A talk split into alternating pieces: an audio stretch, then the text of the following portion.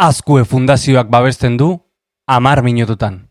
Kaixo entzule, aurreko saioan hezkuntza baliabide irekiei buruz hitz egin genuen gogoratzen?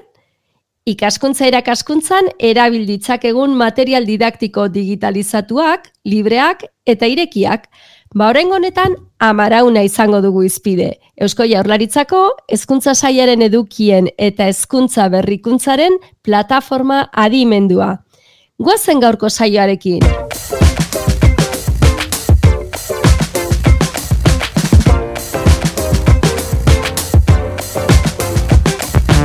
Gaur ere, gurekin Oier Arantzabal teknikari lanetan eta solaskide. Beti bezala, plazerra da Oier. Maite, plazerra nirea da, bakizu, ze aurrekoan esan izun bezala, pila bat ikasten dut saio honetan. Espaitakit gehiaginik eh, hezkuntza eta teknologia, zeraz, bueno, ikasteko prest. Ondo, ba, ea gaurkoan ere alaxe den. E, luzamendutan ibili beharrean, zuzenean elbidea emango dugu. Izpide izango dugun baliabidea, elbide honetan topa dezakezue.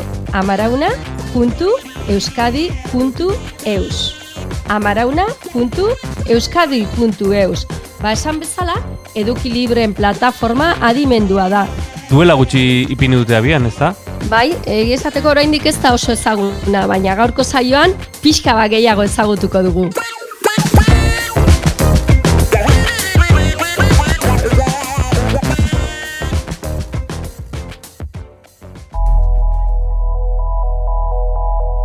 Tira maite, badakizu nire galderak e, e, bueno, ba, inozoak direla, baina saiatzen naiz e, e, ba, bueno, entzulearen lekuan jartzen.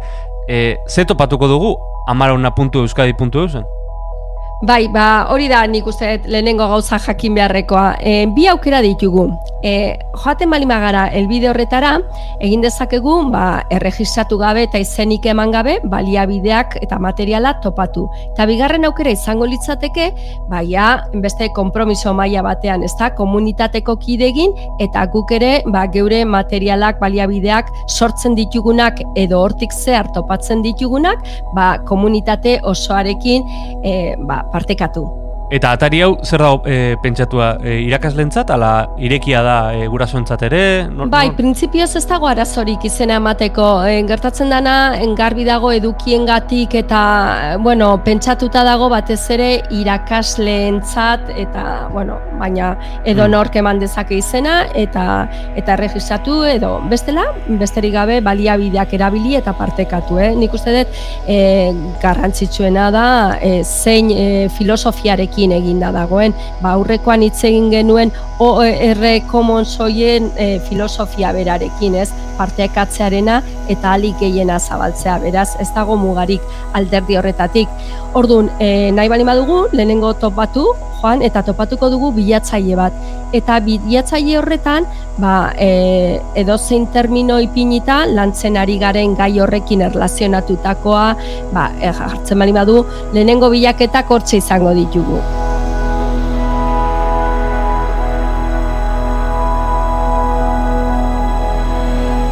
Gainera, sartzen garenean topatuko dugu horrelako saldi bat, ez? Amarauna web honetan bat egiten dute baliabidek, pedagogiak eta teknologiak. Eta hau gustatzen zaite esaldi hau ez, ze badago e, in, teknologiaren integraziorako hezkuntzan, e, horrelako e, teoria edo eredu ezberdinak daude. Eta horietako bat da tipak deitzen dana technological, pedagogical, zaila da esatea content knowledge delakoa, ez da? bueno, Mishra Enkoeler autorena, eta bueno, esaten dana labur-laburra saltzeko da, orain arte askotan pentsatu dugu irakasleok gure edukiaz jakitearekin nahikoa zela. Gero, e, hasi ziren horrelako teoriak Schulmanen adibidez, ba, ez tala nahiko horrekin, importantea da pedagogiaz jakitea eta baita edukiaz hau da guk eman nahi dugun arlori, izan historia, matematika edo gure jakintza arlori, nola eman behar den, ez? ze metodologia erabilita eman behar den.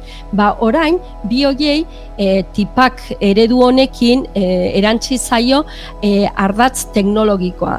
Eta orduan beraz esaten da maila berean, ba, proposamen didaktiko bat diseinatzerakoan egon beharko luketela maila berean bai jakintza arlo horretakoa, matematika, ingelesa, hizkuntza edo zein, nola eman justu ze didaktika modu ezberdinetara edo metodologia ezberdinak erabilitezke ba, engaia kontuan izan da, eta azkenik proposamen horiek aberasteko teknologiaren presentzia hasiera hasieratik kontuan izatea ba oso garrantzitsua da. Beraz, hemen topatuko ditugun baliabideek, ba, suposatzen da horiek hiru ertz horiek ba, kontuan izan dituztela.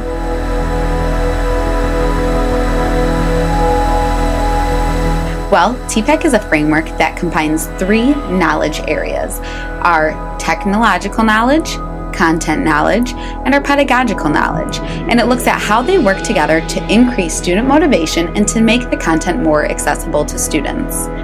Tira, eta nola egiten dira bilaketak, bai. herramienta berri honetan? Horixe da garrantzitsuena, ez da? Sartzen garenean, ikusiko dugu, ba, bilaketak egiteko iragaziak ditugula, Beraz, kontuan izan dezakegu gaia, edo hezkuntza maila, edo hizkuntza, edo baliabide mota, edo zein izan den egilea, edo igo duena, eta bar, ordun beraz iragazi ezberdinak daude. E, azalean ere azaltzen dira hainbat baliabide, ez? Ba, e, bo, ia 6.000 inguru daude momentu honetan eta mota guztietakoak dira. Ba, klik eginez horietako batean, ba, adibidez, Incredibox ikusten ari naiz.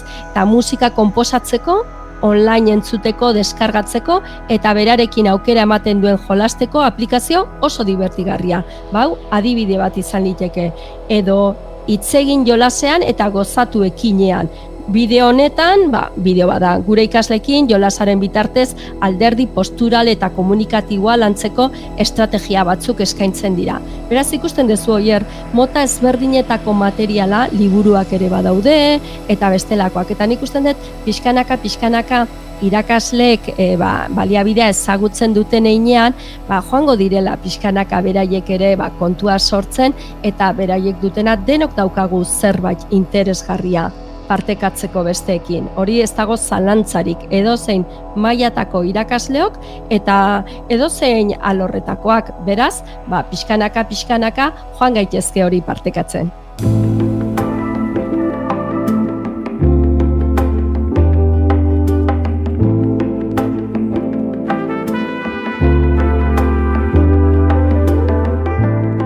Maite, e, plataforma adimenduna da amarauna, zer esan nahi du adimenduna izatea?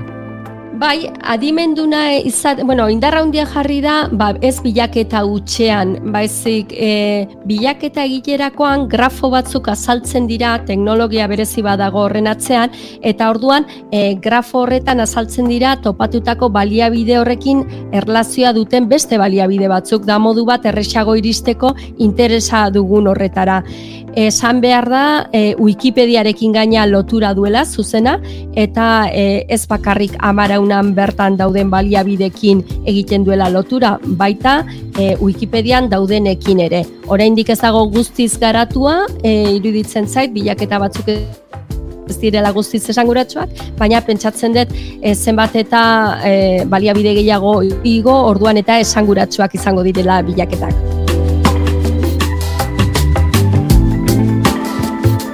Eta esan dugu oier, e, bigarren aukera bat ere badagoela eta hau guztiz interesgarria da, ez? E, komunitatearen parte izatearena. Hor dago igual e, bai. e, amaraunaren indarretako bat, ez? Komunitate hori aipatzen ari ginena e, partekatzearena eta eta hori elikatzearena, bai. ez?